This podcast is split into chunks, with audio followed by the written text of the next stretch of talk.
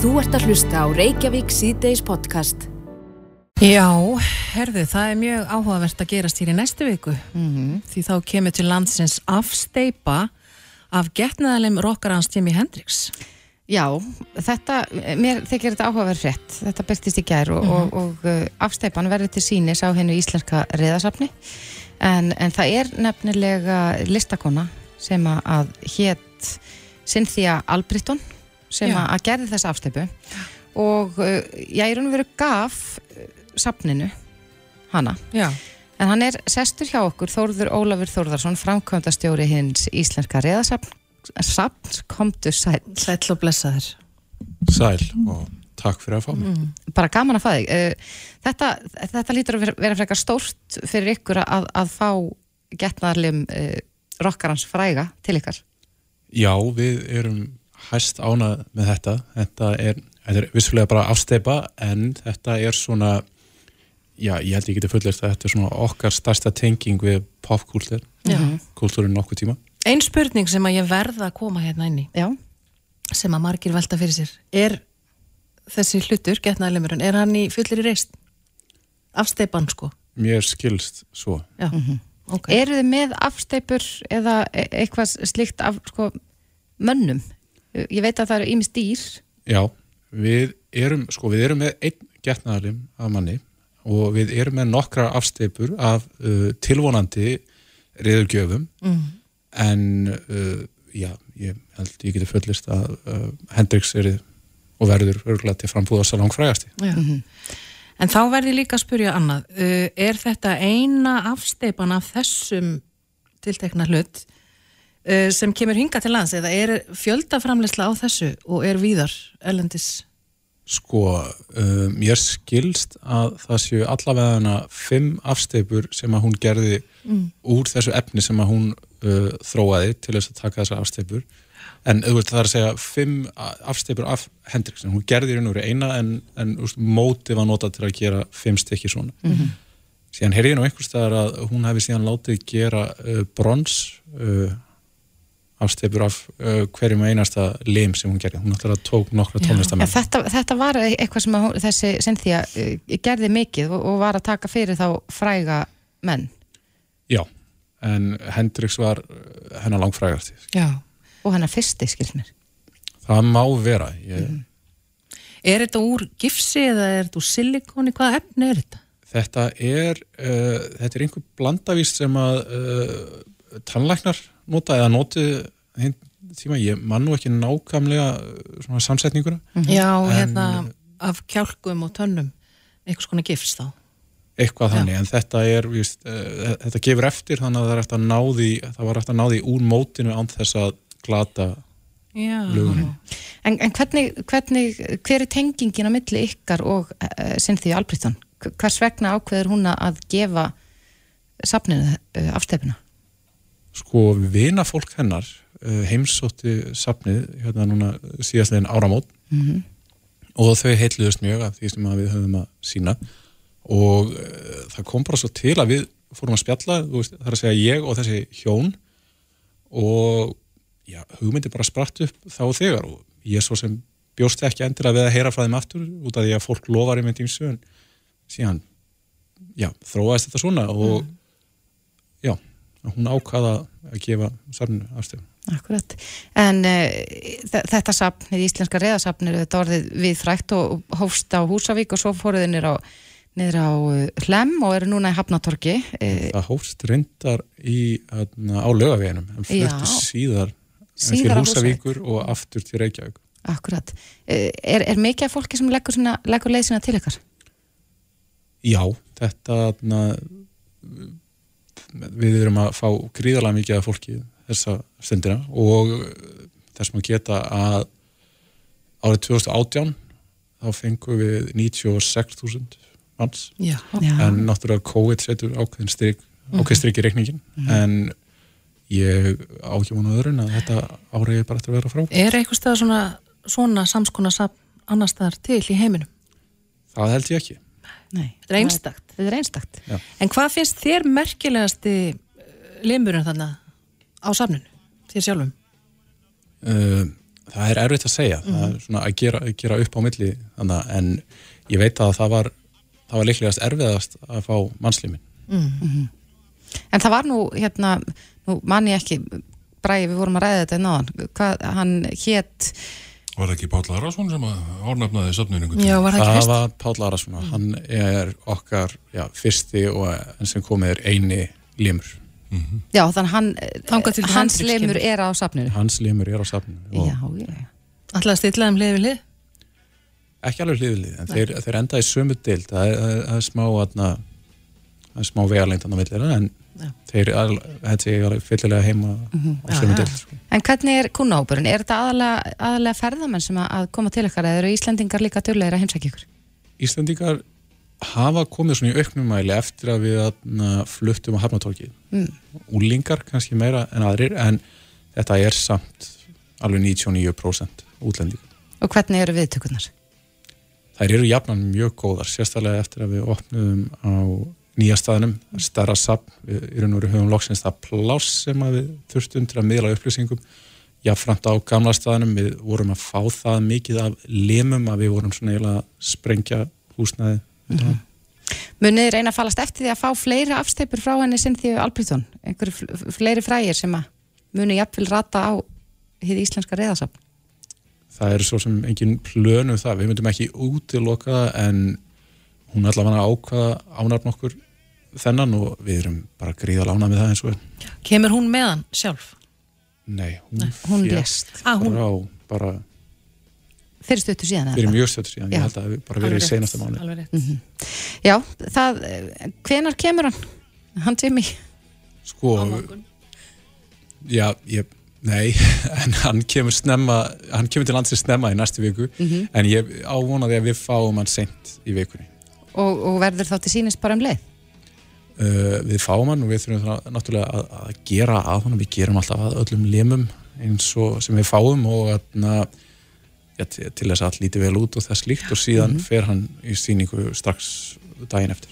Glæslegt, mér heyrist að við heyrum nú í Jimmy Hendriksinu undir allum að hlusta hans á hann en Þóruður Ólafur Þórðarsson, frangvöldastjóri hins Íslenska Reðasaps. Takk fyrir komin. Takk fyrir mig.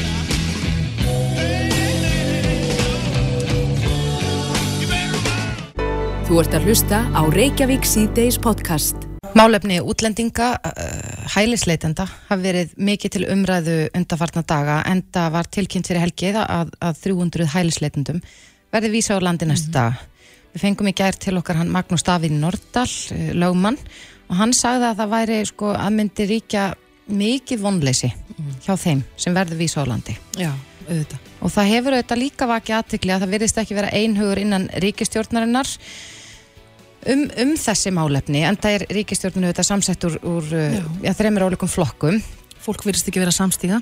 Nei, svo sannlega ekki. Eh, Guðmundur Ingi Guðbrandsson félags- og vinnum Markas Ráðherra sagði í gær að dómsmálaráðherra hafi farið með randmál varandi samstöður ríkistjórnarinn í málöfnum flótafólks að það væri já, ekki einhugur um þetta. Mm -hmm, mm -hmm. Svo hafa þetta verið allskynns viðtölu í dag við hinn á þessari ríkistjórnarni þar sem að, að það er ímest sagt að þetta var voru svona ólík sjónar með reyfuð að, að um þetta mál. Já, já, skipta skoðanir. Algjörlega. En uh, á línunni hjá okkur í dag er Helga Vala Helgadóttir, þingmaður samfélkingarnar, líklegast með blöytt naglalakk. Kontu sæl, Helga Vala. Með blöytt naglalakk? Er það ekki? Er þetta ekki bara ársatíð? jú, jú, ég er að fara ársatíð. Akkurat, en Helga Vala, þetta er auðvitað búin að vera, vera frekar stormasamir dagar í, í þessum málefnum hælisleitenda, leitenda. Uh, segðu mér, Hvernig lítið þið stjórnar andstöðin á þetta og sérstaklega kannski mm, svona til hliðsjónar eh, hversu mikil óeining ríkir innan ríkistjórnarinnar?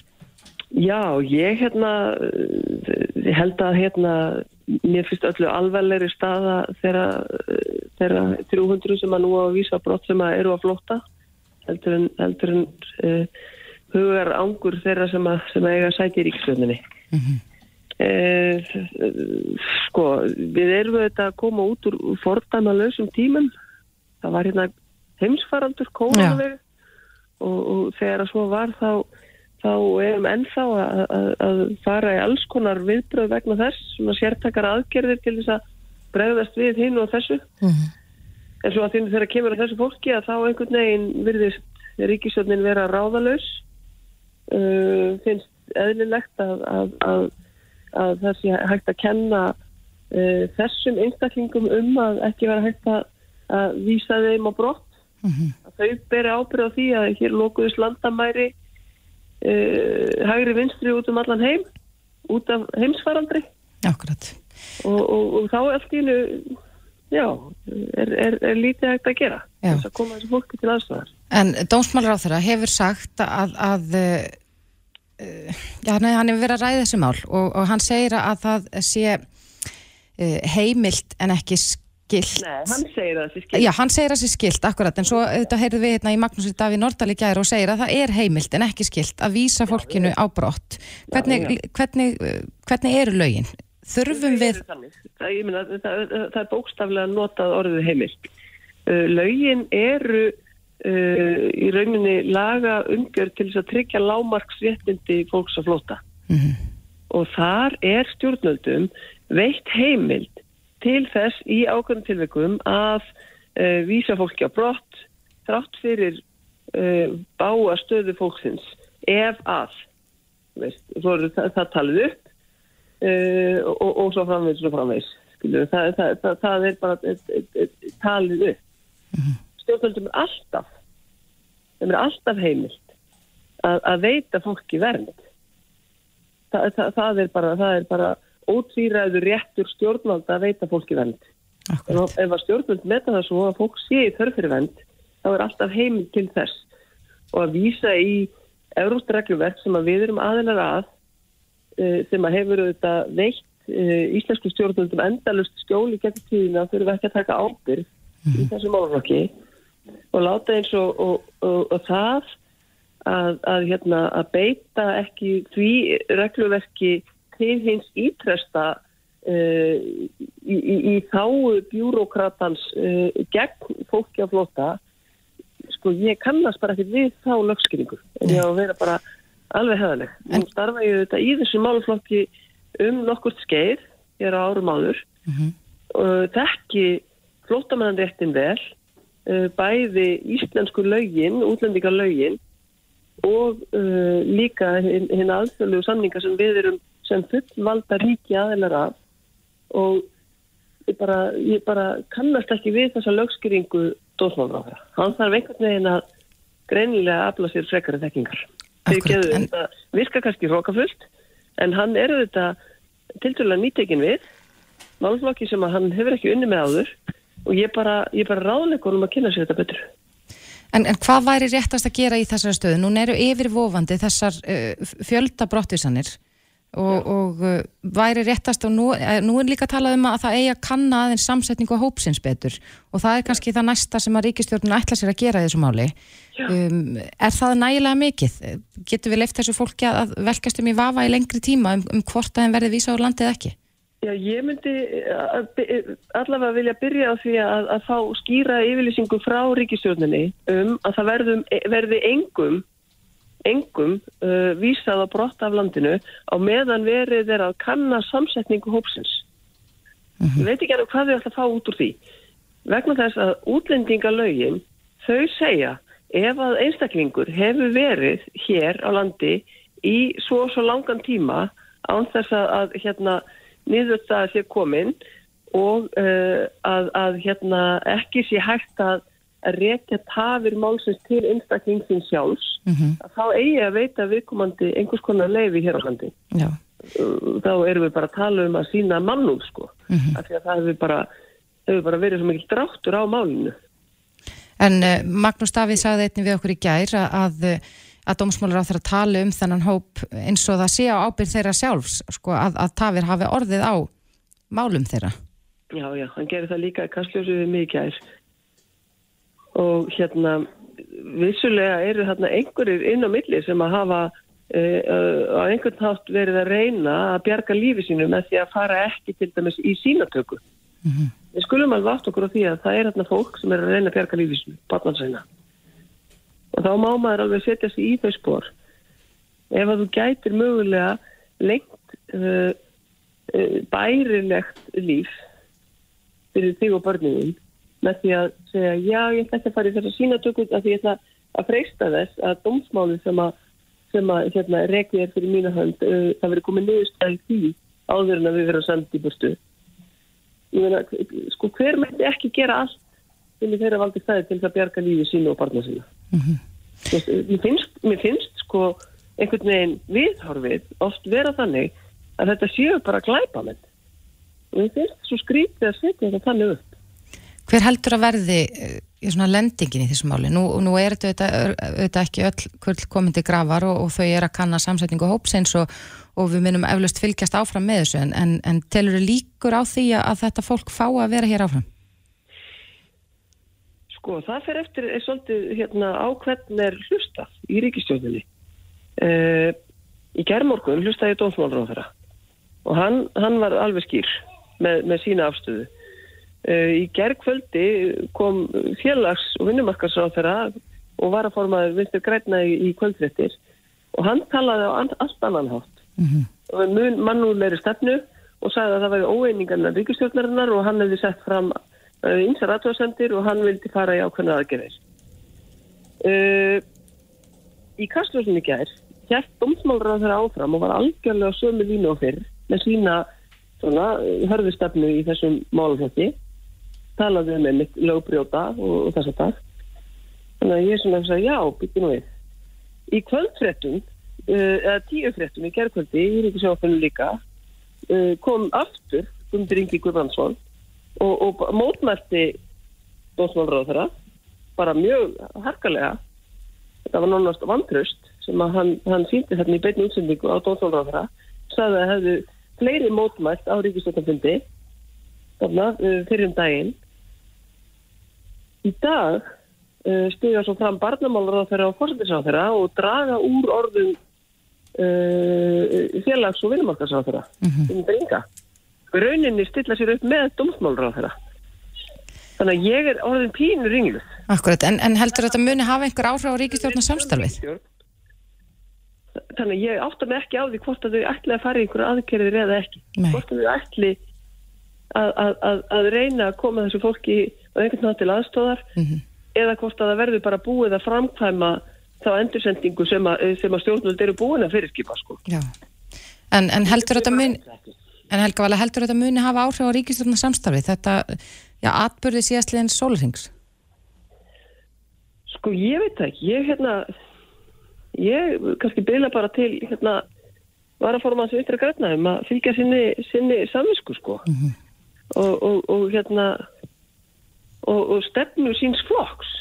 Akkurat. það, það er rauninni það sko sem að maður velti fyrir sér hvað, sko það, það er skrítið ef að vinstri græn og framsóknarflokkurinn ef þau ætla bara að, að láta svona stefni Jóns Gunnarssonar algjörlega yfir sig ganga sko.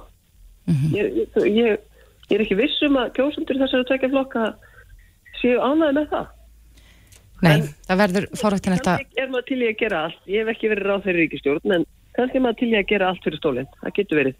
Akkurat, en, en Helga Vala kannski rétt að lokum, nú eins og ég saði hérna frá þannig að það er ásatið hjá ykkur í kvöld, loksins, Já. eftir nokkur ára byð, hvernig er stemningin á ásatið alþingis? Er, er fólk bara að ræða pólitík yfir rauðinsklasi eða?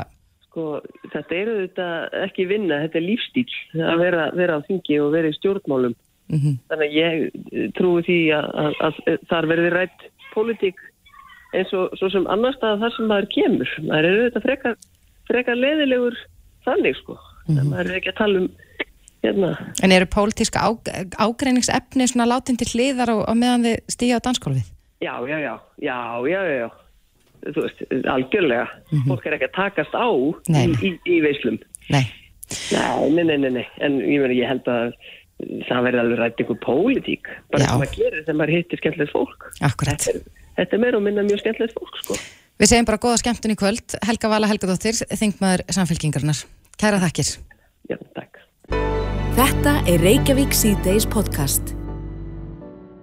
Það bárust fréttir af því núna uh, í vikunni að stjórn KSI hefur samþygt viðbraðsáallun en lítur á því að þegar að mál einstaklinga vegna myndra alvarlegra brota eru til meðferðar hjá rannsóknar eða ákjærvaldi Já. að, uh, já, það var búið að samþykja þessa áallun um, uh, þetta hefur auðvitað verið rosalega mikið til umræðu sí- síðast liðið ár.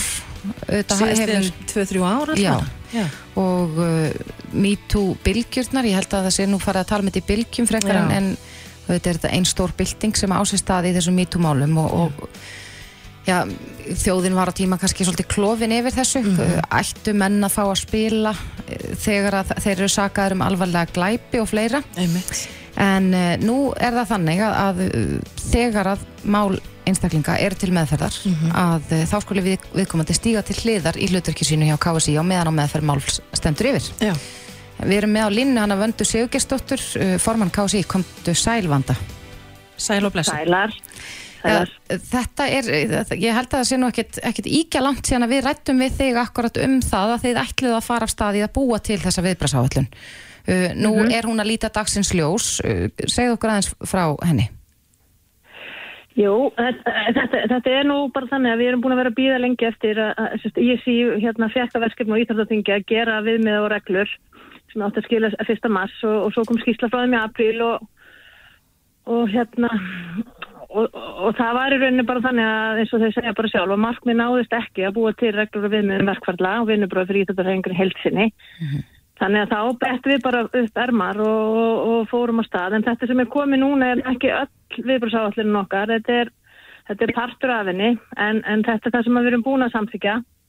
En við erum bara að halda áfram að vinna og, og hérna og erum bara að vanda okkur eins mikið og við getum og, og vinna þetta ábyrð og fámursku og, og svona margætni. Þannig að þetta er svona kannski fyrsta skrifið en, en, en hérna en, en við erum að, að, að vinna áfram. Akkurat. Uh, Þessi kynferðsbrota mál hafa þetta verið mjög há- háværi í umræðinni og, og eh, takið eitthvað á því inn í, í þessari áætlun, sko, hvernig bröðust er við ef að, að þið fáið ábendingar? Ef þetta er ekki spurningum að mál séu til rannsóknar hjá, hjá ákjörvaldinu, heldur að, að KSI fái ábendingar um meint brot? Já, það er einmitt partur af þessu sem var ekki kynnt í dag. Eh, Við erum, hérna, það er sagt til bara eh, mjög gott embætti samskiptar ágjafa í Íþrótt og æskulistarfi sem að, hérna, eh, fyrir mentamálaráður að setja á laginnar árið 2020 að ég mann rétt.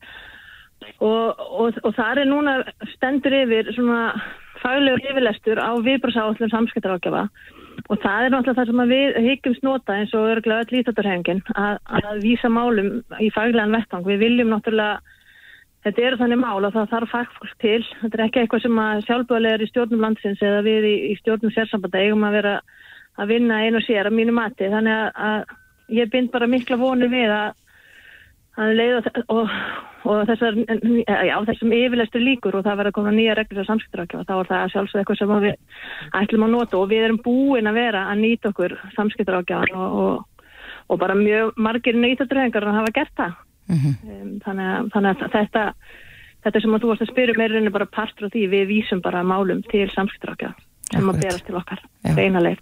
Já, það hefur líka vakið aðtikli í dag að Aron Einar Gunnarsson var ekki valinn í Íslenska landsleishópin e, í dag fyrir komandi landsleiki í júni og e, Arnar Þór Viðarsson landsleistjálfari sagði að það væri vegna þessarar viðbras áallunar en e, einnig kom fram í fréttum í dag að, að búið er að, að kæra ákvörðun hérasaksóknar um að fella mál Arons Einars og Eggjast Gunnþórs niður.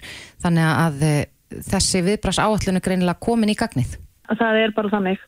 En mér finnst líka bara mikið átt að tala um að þetta næri náttúrulega bara til allra, þetta eru dómar og þjálfara, leikmenn, fórstu með starfsmenn og aðra sem eru innan viðbænda KSI. Þetta er ekki þessi, þessi, þessi nýja samþygt er bara um, partur af okkar svona ramma að við séum að stiga fast í jarðar og, og hérna og vera með skýrar og einfaldar og skiljalega reglur. Þannig að hérna Já, en, en, en jú, það er bara, þetta, ég tek bara undir orða Arnars, Akkurat. hvað þetta, hvað þetta var þar. En, en uh, já, eins og ég er nú búin að koma inn á oftar en einu sinni hér í, í þessu spjalli að, að þá hafa þessi málu þetta verið, verið mikið til umræðu. Finnst þér málum vera, málum vera þokast í rétta átt? Svona með þessum Já. aðgerðum sem þið eru, eru það að standa í? Já, mér finnst það sannlega, við hérna, já, mér finnst það bara að tekið stórskref núna á undanfarnu vikum. Ég er unni frá því að það, kemur ljósa að við þurfum svolítið að- fara að staða sjálf Mm og kannski líka út af þessum hérna e, að samskiptarákjafi er með allt, hérna hún er að endur skoða alla sína ferla, sína aðgerra állun. Þannig að þá finnst mér það, já, og við, eins og ég segi, við í stjórnkási, ég erum bara búin að vera að vinna þessu hörðum höndum mörgnafatta vikur og, og, og það bara styrkt í að, við erum komið með hérna, hilstæða aðgerra allir í þessum málum sem er bara afskaplega jákvæmt og, Já. og bara, já, mörg skref hafa verið tekin og ég er bara mjög ánægð þegar, þetta verður komið af því þetta er náttúrulega bara ótrúlega mikilvægt. Mhm. Er, er einhver, komin einhver dagsetting á það hvenar þessari vinnu muni ljúka? Nei, að því við höfum aðeins verið háð, sko, ISI ætlar að, að hérna, þátt fyrir að þeim hafi ekki tekist að gera í rauninni það sem þeim var ætlað sem var að gera þessar reglur við með, þá er ímislegt sem að ISI er að gera, eins og til dæmis munum við fá frá þeim svona sniðmótum samninga sem við getum gert við, við okkar fólk þar á meðal leikmenn. Og, og hérna Hvers kyns samninga? Þannig, uh, bara svona um alls konar hérna, um, þetta er eitthvað sem að ími sér sem þetta hafa gert nú þegar, þetta getur verið svona hegðuna við mig, þetta getur líka verið veðmálastar sem á lífinótkun, þetta er bara eins og til dæmis íslenskir ólimpíu fara að skrifa undir svona samninga og hann er fara ólimpíuleika Mhm. þannig að þetta er eitthvað sem er að koma frá ISI sem að við munum geta nýtt okkur. Og svo aftur svo ég segi einu sinni enn um leið að þetta kemur úr yfirlestur frá samskiptrákja þá munum við að sjálfsögðu, nýta okkur það mjög mikið inn í okkar áhættunum líka þannig að ég get ekki að því að þetta er ekki bara í mínum höndum okkar í stjórnkási og starfsfólkási þetta er líka, við erum að býða eftir öðrum eins og við erum búin að vera að gera. Akkurat. Þannig að ég get ekki nefnt hérna lokateksningu en við erum aftur á móti sjálf svona bara komin svona langt í okkar eigin hérna pælingum í sambandi við þetta. En mér er líka bara mikið að tala, segja þetta, þetta er bara erfitt og flókið. Það eru skipta skoðinir og, og hérna og þetta er eitthvað sem við þurfum að gera öll í samfélaginu þetta er ekki bara málkási, þetta er, er málefn okkar allra. Já, samtali þarf að eiga sér stað, uh, já, við fleiri aðila. Já, algjörlega og við þurfum bara öll að, hérna að gera reglu þeir sem er ekki komnir þangað og, og við þurfum bara að, að, að hérna, vinna öll að því finnst mér að, að koma sér betra lag Akkurat. Já, samfélagslegt mál. Sammála því. Vanda Sigurgisdóttir, formaðar KSI, við sendum bestu kvæður Erlendis og, og uh, Takk fyrir. takkum kærlega fyrir þetta. Takk fyrir. Þetta er Reykjavík C-Days podcast. Jæja, við ætlum núna að snú okkur að, að skotárásinni í bandaríkinum en uh, það voru bárust hræðilega fréttir í gær en að minnstakosti 19 börn og tveir fullornir eru látnir eftir skotárás 18 ára manns í grunnskóla í Texas. Bötnin eru á aldrinu 5-11 ára. Já, það bara, það er óhugsandi Já, að það skuli að- gerast. að þetta skuli gerast. Það, ég held að það séu allir sammálan það. já. En uh, Joe Biden bandaríkjaforseti ávarpaði þjóðuna í gær og, og hvatti landsmenn til að mótmæla hennum gríðalega öfluga skotvopnað innaði sem hann sakaði um að hafa komið í veg fyrir herðingu laga um bisvegn.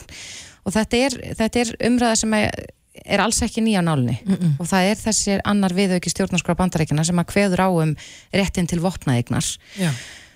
En uh, það er spurning um, hvort að- að fólk muni svona vakna til vitundar við þessar hræðilegu fréttir eða ekki. Já. Þetta er nú ekki fyrsta sinn sem við sjáum uh, slíka skotarós en á línunni hjá okkur er Baldur Þóraldsson, prófessor í stjórnmálfræði við Háskóla Íslands. Komdu sæl Baldur. Komið sæl. Já Baldur, hvað segir sagan okkur? Nú, nú er þetta ekki fyrsta sinn sem við heyrum af slíkum skotarósum í bandarækjunum. Er þetta, mun fólk vakna til vitundar og, og, og já, vera tilbúið að herða lögjöfuna? E, það er raunni, sagan segir okkur að það muni líklega ekki gerast. Sko það, var, það er nú bara ekki svona fjögur, fimm ár síðan ég tók það saman svona fræðigreina sem hefur skoðað Mm hvað gerðist í kjölfar svona stóra skotarás í bandaríkjunum. Þá er alltaf mikil umræða, það, það er krafu um að herða lögjöfuna, en það er líka krafu um það að, að, að, vopna, að bara vopnast. Og þá halda margir og maður kannski hjælt og ég gekk að því sem vísu að þá væri lögjöfin hert, það væri yfir takmarkaðri aðgangur borgarna að skotofnum, en það gerist þvert öfugt, yfirleitt eftir skotarás, þá í fylgjum bandaríkjana, þá er ringu lögjöf varðandi byssuegnir, þannig að það er auðveldara fyrir alveg borgara að ná sér í skotof og kaupa skotof. Hver eru rökin fyrir því? Já, það er bara eins og við höfum séð núna í kjölfar þessara, uh, þessara hryllings núna uh, í skólanum að reykjabikanar stíga fram og segja að laustin við þessu sé að hafa vopnaða verði í skólanum og að þjálfa kennara að fara með byssur og, og vopna kennara. Þeir sé að það sé lausnin til þess að verjast skotarúsum í skólum. Og það er bara sem einfallega menn trúa, trúa á að sé, eh, sé hinn rétta leið. Uh, og það muni það, það virki frekar heldur en annað. Og þetta er byggist á þessu eins og við voru svo nefndir í byslinum í upphæfi að þetta er stór hluti bandaríkina að lítur bara á sem heilaga rétt að hafa rétt til þess að bera skotvopn að geta varið sig. E, það sé í stjórnarskráni e, þetta kemur að ég held að stóru hluta til vegna vantrús vantrú, á- þegar þegar vantrú á yfirvöldunum þegar var vantrú á lögreglinni og hugmyndin er bara svo að maður verið að verja sér sjálfur, bjarga sér sjálfur og þess vegna er að eiga vopn til þess að geta, geta varist. Mhm. En, en ef að, að ja, republikanar fá sínu framgengt að, að það verði sennilega vopnar verðir í skólum og, og að kennara verðið vopnar, verða þá reynilega ekki á endanum bara allir vopnaðar í bandaríkinum? Já sko, það er góð spurning og ég menn að nú þegar bent á það í umræðinni það voru vopnaði verðir í þessum skóla. Og, og eh, minnst einn vopnaði verður og einhverju lögreglumur sem voru á það svæðinu sem gáttu ekki stöða byssumanni vopnaði verðir í þessum skóla og í nákvæmlega kom ekki veg, veg, veg, fyrir, veg, veg fyrir þetta. E, það sem við sjáum hefum séð bara undanförnum tveimur árum í tengslu við, við, COVID-faradurinn að e, byssueign hefur stóra aukist í bandaríkjanum og það hvert fylgið að fætur öðru sem reglubikana stjórna er að auðvelda aðgang almenna borgara að skotofnum þannig að það getur kefið við kipt sér skotofn það hafa aldrei verið fleiri skotofn í bandaríkjónum það eru fleiri skotofn í bandaríkjónum heldur en íbúar. Og þetta hefur leitt til þess núna bara á síðustu tveimur árum frá því að COVID byrjaði að það eru fleiri skotárásir stórar, það eru fleiri að falla vegna vegna eh, já, vegna, vegna, skotofna þannig að eh, þetta er ekki að fara í rétt á Nei. Mér langar að spyrja, það eru eflaust margir að velta því fyrir sér núna, uh, geta allir kift sér byssur í bandaríkjanu? Hver, hver eru kröfuðnar fyrir hinn almenna borgara? Sko ég þekki það nú ekki nákvæmlega. Þetta fer eftir fylgjónum. Það er, það er mismjöður eftir fylgjónum. Það sem reglum kannar almennt ráða er það miklu auðveldara eh, heldur en þessi demokrater eru. Þar eru oft strönglögjöf og ég var bara að sjá það núna bara þessi umfjöldinu í, í Texas. Að Texas hefur þessi þessi skot ára svar. Þar hefur þar er löggjöfin orðin þar er svo auðvelt að nálgast skot og kaupa skotu að það er sagt í fréttum það getur nánast hver sem er bara að lappa inn á glötjun og kemst skotu Er aldurstakmarkið, Nákvæmlega það fel, hvað það helst telur í sér veit ég ekki en löggjöfinu orðin fannin í Texas þar sem þessi aðbúri átti sér stað og, það, og, og sömu fréttir segja rauninni að það sé bara það er í, í, í hlutvalli við það sem menna betri aðgang á skotofnum til fleiri eru drefnir af, af drefnir með skotofnum og það hefur orðið aukning í, í, í, í, í morðum með skotofnu í Texas í kjölfar betri að- aukins aðgangs að, að byssum. Akkurat. Og það sem, náttúrulega- það sem líka lága að koma inn á ástæða fyrir því að, sko, þess að, að þingið í Washington breytur þess ekki Mhm. er þar að það er öldungudeldin sem stóðvar málin þar sitta sko uh, 100 öldungudelda þingmenn og það er, 20, það er tveir frá hverju fylki í bandaríkjunum sem eru 50 og það eru svo mörg fylki sem eru svona hvað getur maður sagt eh, héröð, það sem eru mjög mikið dreifbíli og menn mörg fylki það sem er stígjað á republikana og þessi fylki kjósi yfirleitt tvo republikana í, í öldungadeildina uh, og vegna þess að dreifbílis og áhersla í dreifbíli á mikilvægi byssu eignar þá ná þessi þingmenn uh, öldungadeildarinn að republikana að stöðva máli vegna þess að líka þú getur tafið máli í öldungadeildinu og komið veg fyrir að fá afgriðslu ef þú hefur ekki 60 afkvæða bakveði akkurat. þó að demokrater hafi núna meiru hluta í, henn, í henni, þá hafa hann engin 60 atkvæði. Og ég sé að fréttaskýrandur í bandaríkjunum telja ómögulegt að öldugvæðdeildin nái að herða eh, eða dra- draga úr aðgangi almennins að skótofnum eins og demokrater vilja. Og demokrater alltaf leggja fram eh, frumvörk núna á, eins og það hefur gert áður en það ger, allir á fyrir að þau munu bara verða ekki, ekki. Nei. En þetta var ekki bara við um, um sko skotvopna eign, þetta á líka við um ímiskonar mannréttindi sem að okkur, já þekja sjálfsögð sem að, að, að stoppa oft þarna í öldungadeildinni. Já, það er stundum verið ta talað um það sko að það er ákveðin bara pattstæði bandarísku stjórnmálum. Mm. E, það kemur til vegna þess að kannski þorri bandaríkjaman og meiri hluti bandaríkjana er orðin bara frjálslindur ef við lítum á það til dæmis að vilja heimila hjónabönd samkynleira, vilja að konur ráði við sín eigin líkama, e, geti farið í fóstureyðingar með öðru orðum Mhm. og að vilja takmarka byssu eign. E, það er meiri hluti bandaríkjaman sem vilja þetta. En þeir búa svo í, í, bara í stórborgunum og uh, það sem fjöldin er og þeir hafa líka kannski stórborgi bara eins og New York fylki, bara tvo öldugubildar svo eru svo fjöl mörg fylki sem eru fámenn en sem eru þá svona héru, dreifbíli og þar eru öldugubildar þingmenninir að koma úr rauðum republikana og þeir uh, stöða þessi mál. Og svo til viðbótandi þetta er að náttúrulega einn allra öflugustu hagsmunasamtök í bandaríkjunum er landsamband byssumanna. Akkurat, er, og er það, er, ég saði þetta aðeins frá því áðan að Joe Biden hefði ávarpað þjóðina í gerð og hvart landsmenn til að sko mótmæla hennum gríðarlega öfluga skotvapna yðnaði sem hann sakaði um að hafa komið í vekk fyrir herðingu lagum byssuhegn. Eru, eru hagsmuna öflin þarna baki svona gríðarlega áhrifamikil að kannski, já, hjálpar alls ekki neitt? Nei, þetta er náttúrulega sko eitt er líka sko, sko mjög, mjög margir telja að þeir eru ekki sér best tryggt með því að eiga skotu á mm -hmm. svo er þessi hagsmunarsamtöku sem eru gríðarlega öflug og þeir ná sínu fram með því að þeir fjármagna þeir, þeir fjármagna bara frambóð fjölmargra stjórnmálamanna sérstaklega í rauður republikana mm -hmm.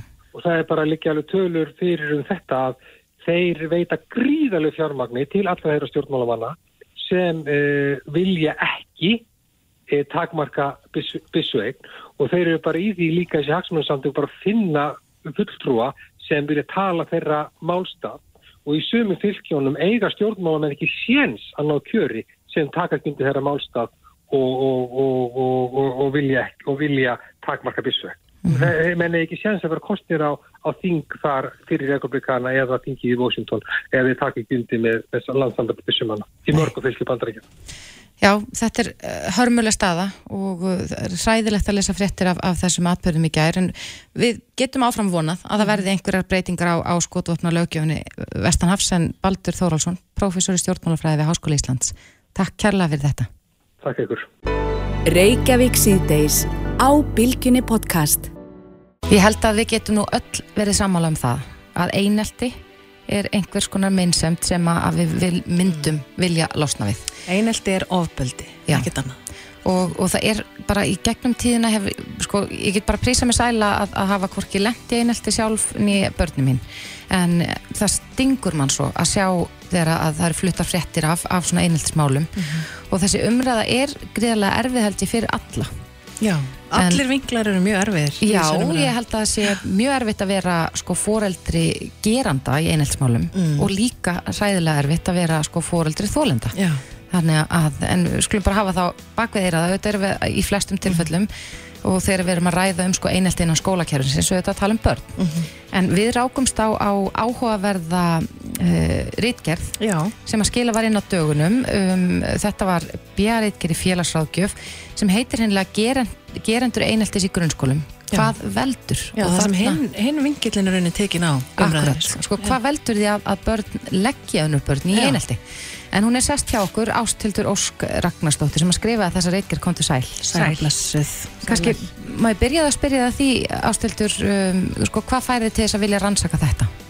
uh, mér þykir þetta uh, mjög áhugavert mál og þessi vingill það hefur rosa lítið verið rætt um hann og gerendur einaltis við erum að tala um eins og segir börn og við þurfum svolítið bara að hugsa þetta tilbaka og þurfum aðeins svolítið að svona ég er ekki, það þarf að aðstóða þennan hóp.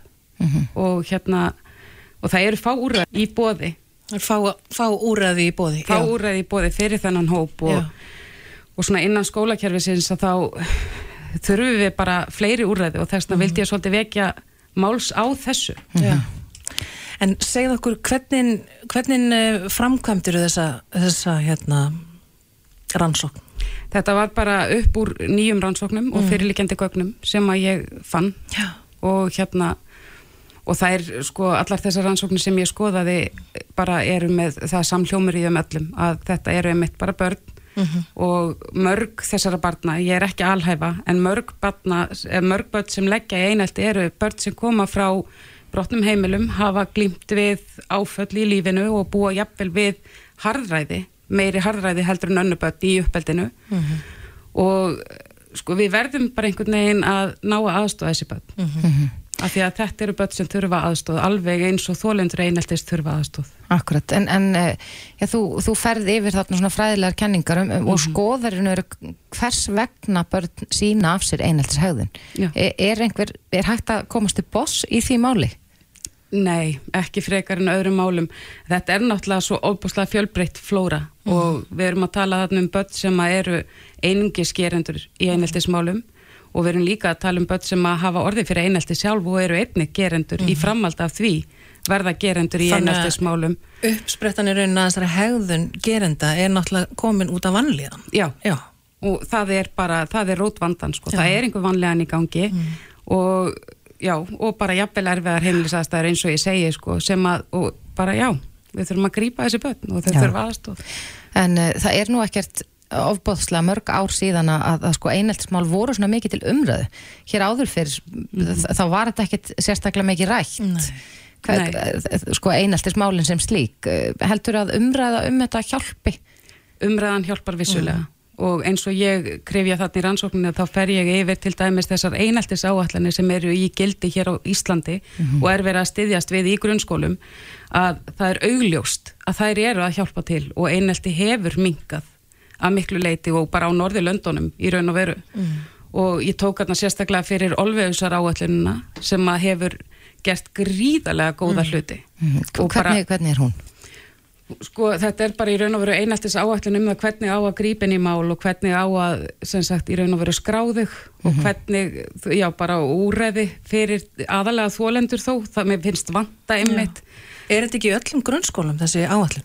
Hún er ekki í öllum grunnskólum nei. en það eru mjög margir grunnskólar á Íslandi sem að starfa eftir þessar áætlun Þannig að með þessari áallin þá getur fólk, eða fóreldrar geta tilkynnt uh, hérna eineltið. Já, formlega og Já. það er í lögum um grunnskóla allir grunnskólar eiga að hafa eineltis ráð og það sem að hægt er að tilkynna einelti og það sem að unni er og greipið er inn í En, en svona heilt yfir, er, eru grunnskólar hér á landi að taka, eh, sko vinna þetta rétt? Hvað er svona þitt mat á því?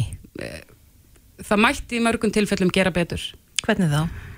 það er bara, virðist vera heilt yfir, bara mikið úrræða leysi innan grunnskólana í þessu málum.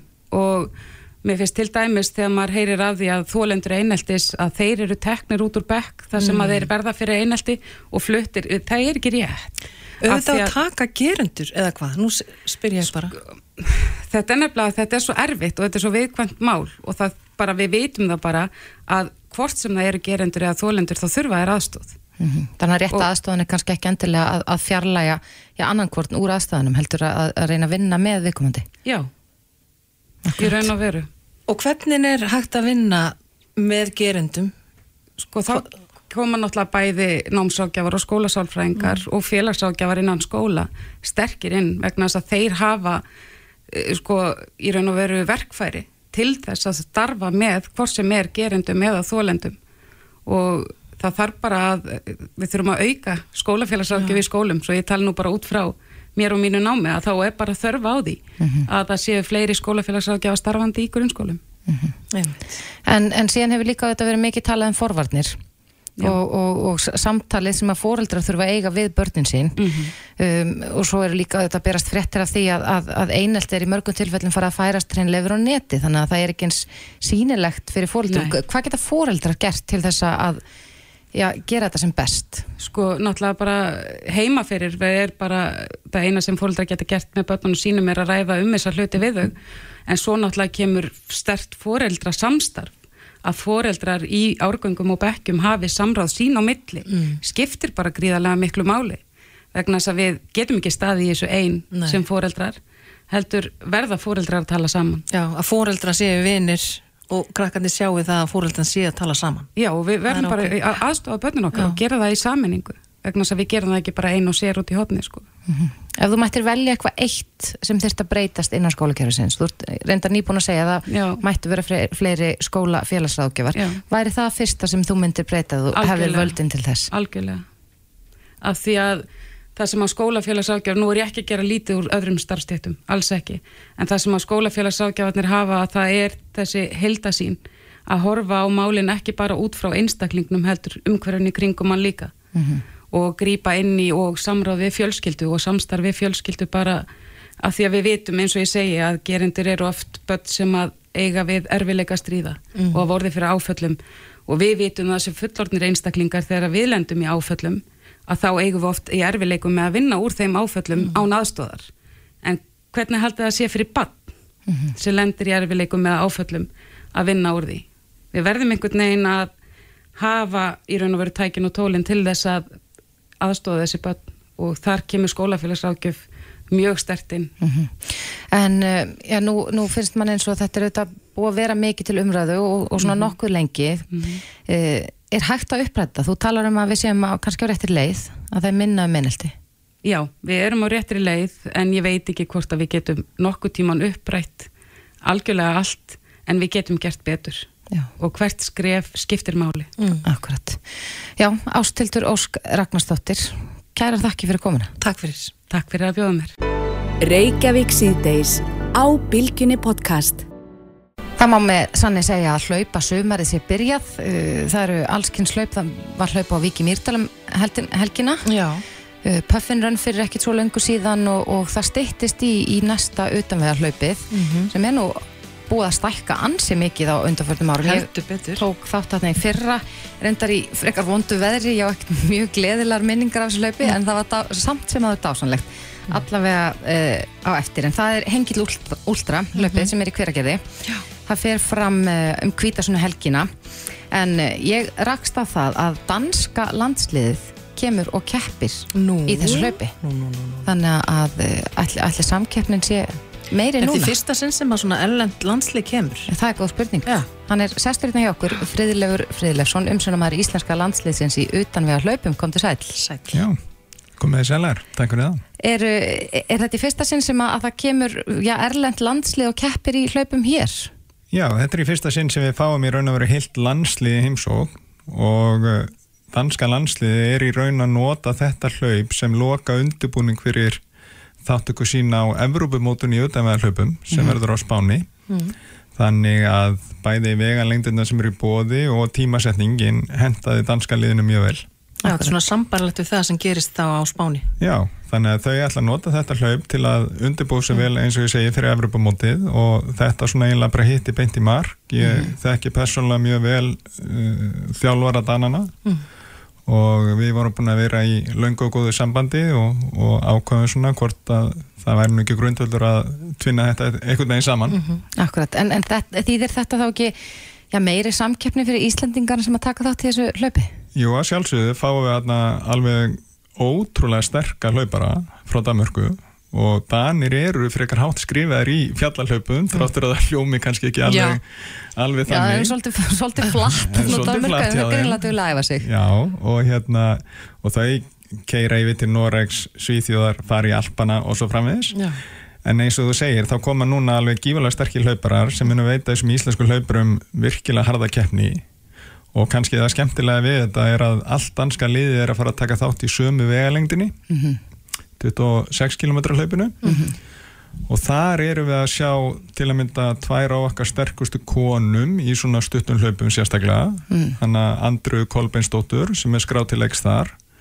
Og hún uh, gerði sér nú lítið fyrir og sigraði laugavegin í fyrra og nýju brautameti og, og var að sigra Puffin Run núna fyrir ekki löngu og mætti í Mýrdalinn og rúlaði því upp. Þannig að Akkurat, þar erum við með gífulega flottan hlaupara og, og hérna Íris Anna skúladóttir er líka að fara að hlaupa í 26 km hlaupinu. En hvað með um, núna uh, höfum við, það er svona nokkra svona stjörnur, Andrea Kolbens alveg svo sannarlega þar efstablaði, en, en hvað með eins og Þorstin Rói og, og, félaga, eru þeir að fara líka að hlaupa þessa vegalengdi, að fara þeir lengra í hengislaupinu? Þorsteinn Rói er að fara í 53 km vegalengdina Mhm. uh, því að Þorsteinn Rói og, og fleiri landsleismenn íslenskir eru byrjar að undirbúa sig fyrir í raun og veru heimsmeistra móti utan með hlaupu sem verður í Tæland í november. Já. Þannig að þetta er kannski svona fyrsta skrefið í stóra undirbúningnum hjá okkar landsliði varðandi hlaupið í Tælandi. En uh, við erum sem sagt með þrjá landsliðsmenn í 26 km hlaupinu sem munum þá keppa beint við Danina sem eru Andrea Íris og svo Þórólfur Ingi sem er líka gífulega hraður Mhm.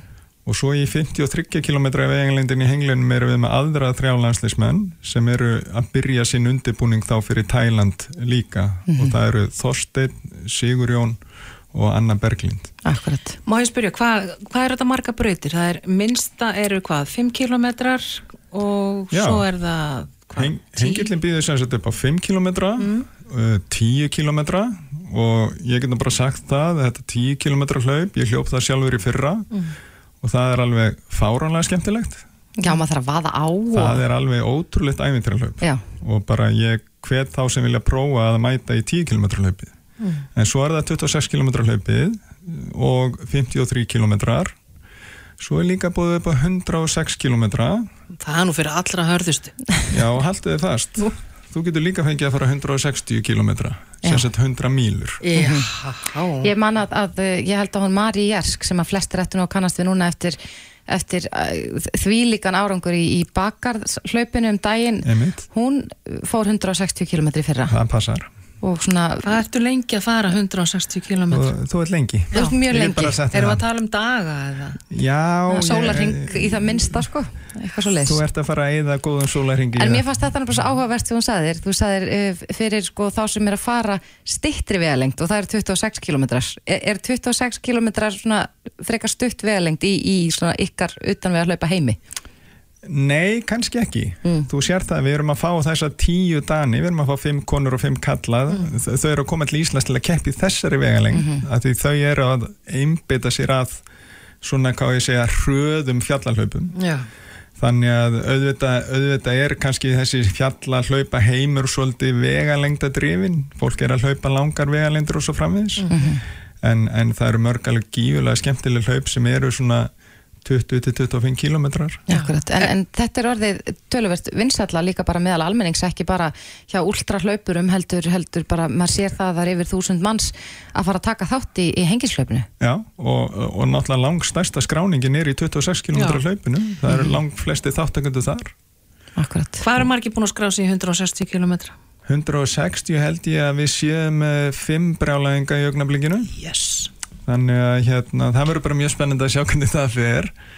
En, eh, en svo eins og ég segi, hvort sem að fólk skrái sér í 5, 10, 26, 53, þetta eru kannski svona, eh, það eru margir kannski að stíga sín fyrstu skref Mhm. og þá er bara tilvælega að mæta og farið þessa vegalindi, ég vil bara 10 núna og, og gá hvort að menn eh, geti ekki farið þá 26 ég vil næsta, á næsta ári eða, eða eitthvað, vinna þetta svolítið í svona einhverjum skrefum.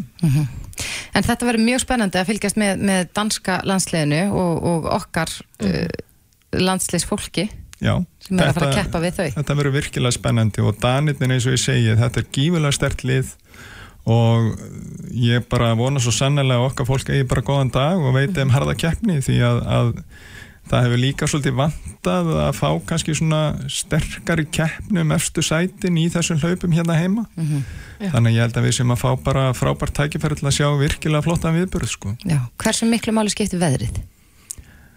Úf, Það var ekki gott í fyrra Það hlýtir að spila stóransess. Við erum náttúrulega að vona að annarkvært ár sé sól og blíða, Mhm. þannig að það ætti að koma núna. Hvað er versta veður fyrir hlaupana? Vindur. Vindur. Mhm. En er ekki alltaf að hafa... Það er rosalega Svo gott að hafa ekki vindin í mótvind, sko. já, ég er að meina Já, svo er maður oftast að hlaupa hring þannig að það mynda einhvern tíman á endan Já, að fá hann í já. þið sko. En það er, sem sagt, það er vindur og, og hengilin enn og þannig svæði að við erum að vinna kannski með nokkuð veðu kerfi Mhm. á hlaupaleiðinni, sérstaklega á þessum 53 km ring Já. og þannig að við vonumst náttúrulega bara eftir góðu veðri og minnum líka allar hlaupar á skildubúna sem hlaupar að þurfa að hafa með sér Ég segi hérna í fyrra voru 1300 keppendur, eru fleiri ár? Ég held að við endum bara á mjög svipuðum stað. Já. Við verðum kannski með eitthvað færri keppendur. Mhm. Það var náttúrulega algjör sprenging í fyrra. Hlaupið tvöfaldaðist frá 2020 til 2021. Þannig að það mátti nú kannski ekki búast við því aftur en, en, en yfir þúsund hlauparar í, í einum og sama viðbyrðunum er bara mjög, Mjög gott, mjög gott. Glæslegt. Friðlefur Friðlefsson, umsönamaður íslenska landsliðsins í utanvæðarhlaupum. Kærar þakkir fyrir komuna. Takk sem leiðis. Það má með sannig segja að hlaupa. Hlustaðu hvena sem er á Reykjavík C-Days podcast.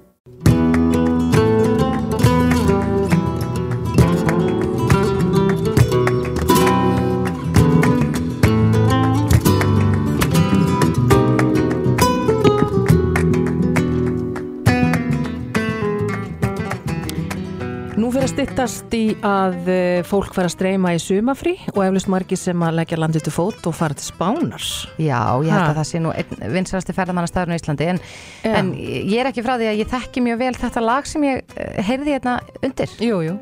Þetta eru vísur Vassendarósu í þetta ramm íslenska lag í flamingostil. Já. En við eigum eitt góðan gítarleikara, okkar helsti flamingo gítarleikari, Reynir Haugsson. Hann er einmitt stattur í höfuborg Spánverja Madrid og hann er þar til að spila með innfættum, hvorki meira en minna og hann er hérna á línunni á okkur. Reynir, kontu sæl og blessaður. Já, komið sælar, gott að heyri ykkur. Hvað segir þú? Þú ert stattur hann í Madrid og ert að spila flamingo með innfættum, passar það ekki? Jú, það passar. Ég, hérna, ég er búin að búa í Madrid þennan veturinn. Ég átti áður heima í Andalusi og ég flutti hinga til Madrid þar í september í fyrra Mm. og sérstaklega til að vinna hérna náið með uh, flamengo gítarleikarunum Jerónimo Maja Já. sem er eitt fremsti flamengo gítarleikari samtímans. Og eru þið bara tveir að þessu eða ertu með stórt band fyrir aftan ykkur eða hvernig er þetta? Við erum svona tveiri í forkurinni og svo erum við með dansara og söngbara með okkur líka. Og við erum að koma til Ísland núna bara í næstu viku. Ok, og ætlið að, að- vera með flamingo tónleika hér? Heldur betur. Það, hérna, það verða flamingo síningar eh, fyrsta, annan, þriðja og fjórða júni. Byrjum í mála menningu fyrsta júni, svo Hvanneri Pub sem er heimabæri minn, annan júni og svo Kjarnmerby og þriðja og fjórða júni. Já, en, en við heyrðum þarna vísur Vassendarósu sem er nú eitt þekktasta já, ástarkvæði okkar Íslendinga held ég bara. En nákvæmlega. eru það að spila fleiri íslensk lög? Já, sko, hérna, þemað er svolítið hjá okkur að blanda saman hérna, flamengo tónlist og íslensku tónlist og við nefnum verkefnið flamenco rýmur Mm. þannig að við erum að blanda hérna saman sko, menningarheiminum mínum og, og menningarheiminum hans og, og við ætlum að sína ykkur þetta allt saman í næstu viku og Ok. við tókum upp hérna vísur Vassandarósu og, og gerum við líka vídeo við lagið, gerum myndband það er allt saman í, í, hérna, í gangi á, á miðlunum núna það koma YouTube og Facebook og alls Já. En fyrir þá sem ekki þekkja, uh, hvað er nákvæmlega flamingo tónlist? Ég veit að það er mikil saga þarna á bakvið, ef við getur útskipt Já. þetta fyrir þeim sem ekki vita. Sko flamengo tónlist, þetta er spænsk tónlist nána til ekki hérna andalúsist tónlist. Hún, er, hún myndast hérna á söðurspáni og þetta er einhverju sko sambræðingur af arabískri gýðinga og, og síkunamúsík og latin tónlist líka sem er sett saman í frá hrærigröð og úr varð þetta einstaka fyrirbæri sem heitir flamengo tónlist og þetta er bæði tónlist og dans, þetta er ekki bara dans. Og núna erum við búin að bæta við enn einu elementinu innan, innan hrærigröð og það er íslensk tónlist Já, þetta er áhugavert. Það er svolítið gaman. En, en eru Íslendingar, eru við svona, já, þekkjum við flamengo tónlist vel? Eða ætlar þú að koma og kynna okkur almennilega fyrir henni? Sko, ég, ég get nú ekki sagt að við þekkjum hana vel því hún er nú freka lítið stundið á Íslandi því að hann er nú ríkt tónlistarlíf á Íslandi en flamengo hefur ennþá ekki fest því sessi. En ég hef komið með bandið mitt hérna þrísar áður, það er svo annað band og það har alltaf verið mjög góðar viðtökur, fólk alltaf verið mjög hrifið en það er þetta, þetta er svo tilfinningaþrungir flutningur á flamengo tónlist, þannig að fólk hérna, reyfist við þessu. Og er, e, það þú segir þessi fleiri íslensk lög og, og þú sagðir að veri e, söngvari og dansari með í fyrir það ekki, Jú. er sungið á íslensku með spænsku ívafi? Það er sungið á spænsku. Já. Nefna, ég hef reynda verið plattaður það að syngja aðeins Já. það kemur í ljós í þessu lagi ég, var, hérna, þeir, þeir kröfðust þess að mér þannig að ég hérna, ákvað að virka minn innri söng bara Já, þannig að það er kannski rúsinan í pilsöndarum í, í vísum Vassanda Rósu að heyra þessi þér í lokin. Já, þetta, þetta er í fyrstu skipti sem að rödd mín er hljóðurutuð bara að verða eitthvað góðu En skemmtilegt. Þannig að við sjáum við hérna á Íslandi í byrjun júni Yes, Og hvað er þetta að fá með það? Herru, tix.is, þar sjáu, sjáu þið yfirleiti við allt saman. Fyrsta til fjóra við júni. Glæsilegt. Við ætlum að að fá að heyra restina af læginu. Reynir Haugsson, kærar þakki fyrir þetta. Hellega fyrir, gangið vel. Takk kærlega. Þetta er...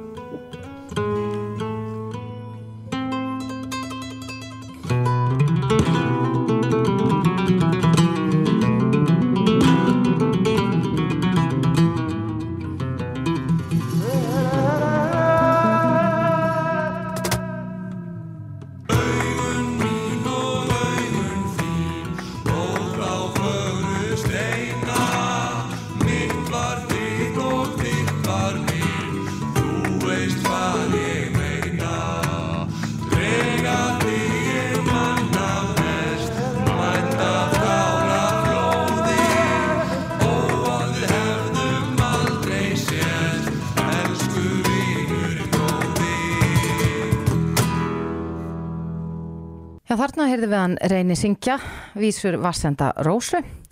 En nú komið að því að við förum að skipta yfir á fréttastofuna eftir örskama stund. En uh, nú svo er líka bara frí á morgun. Já, já, það er er frí á morgun og gott að enda þetta með svona suðrænum tónum. Já, Ha. er það ekki, er við ekki bara svona, þetta er ákalla Já, að það verður glíða um allt land á morgun. Fín spá. Já, en við verðum aftur með ykkur á förstu daginn, en ég minna á það að lokum að, að eh, öll viðtölun eru komin inn á vísi.is og inn á Bilgju appi og þau getur hlusta á þau þar. En Drífa, Bræi og Þórdís þakka fyrir sig í dag. Og við verðum með ykkur á föstudaginn. Bless, bless. Reykjavík síðdeis á bylgjunni.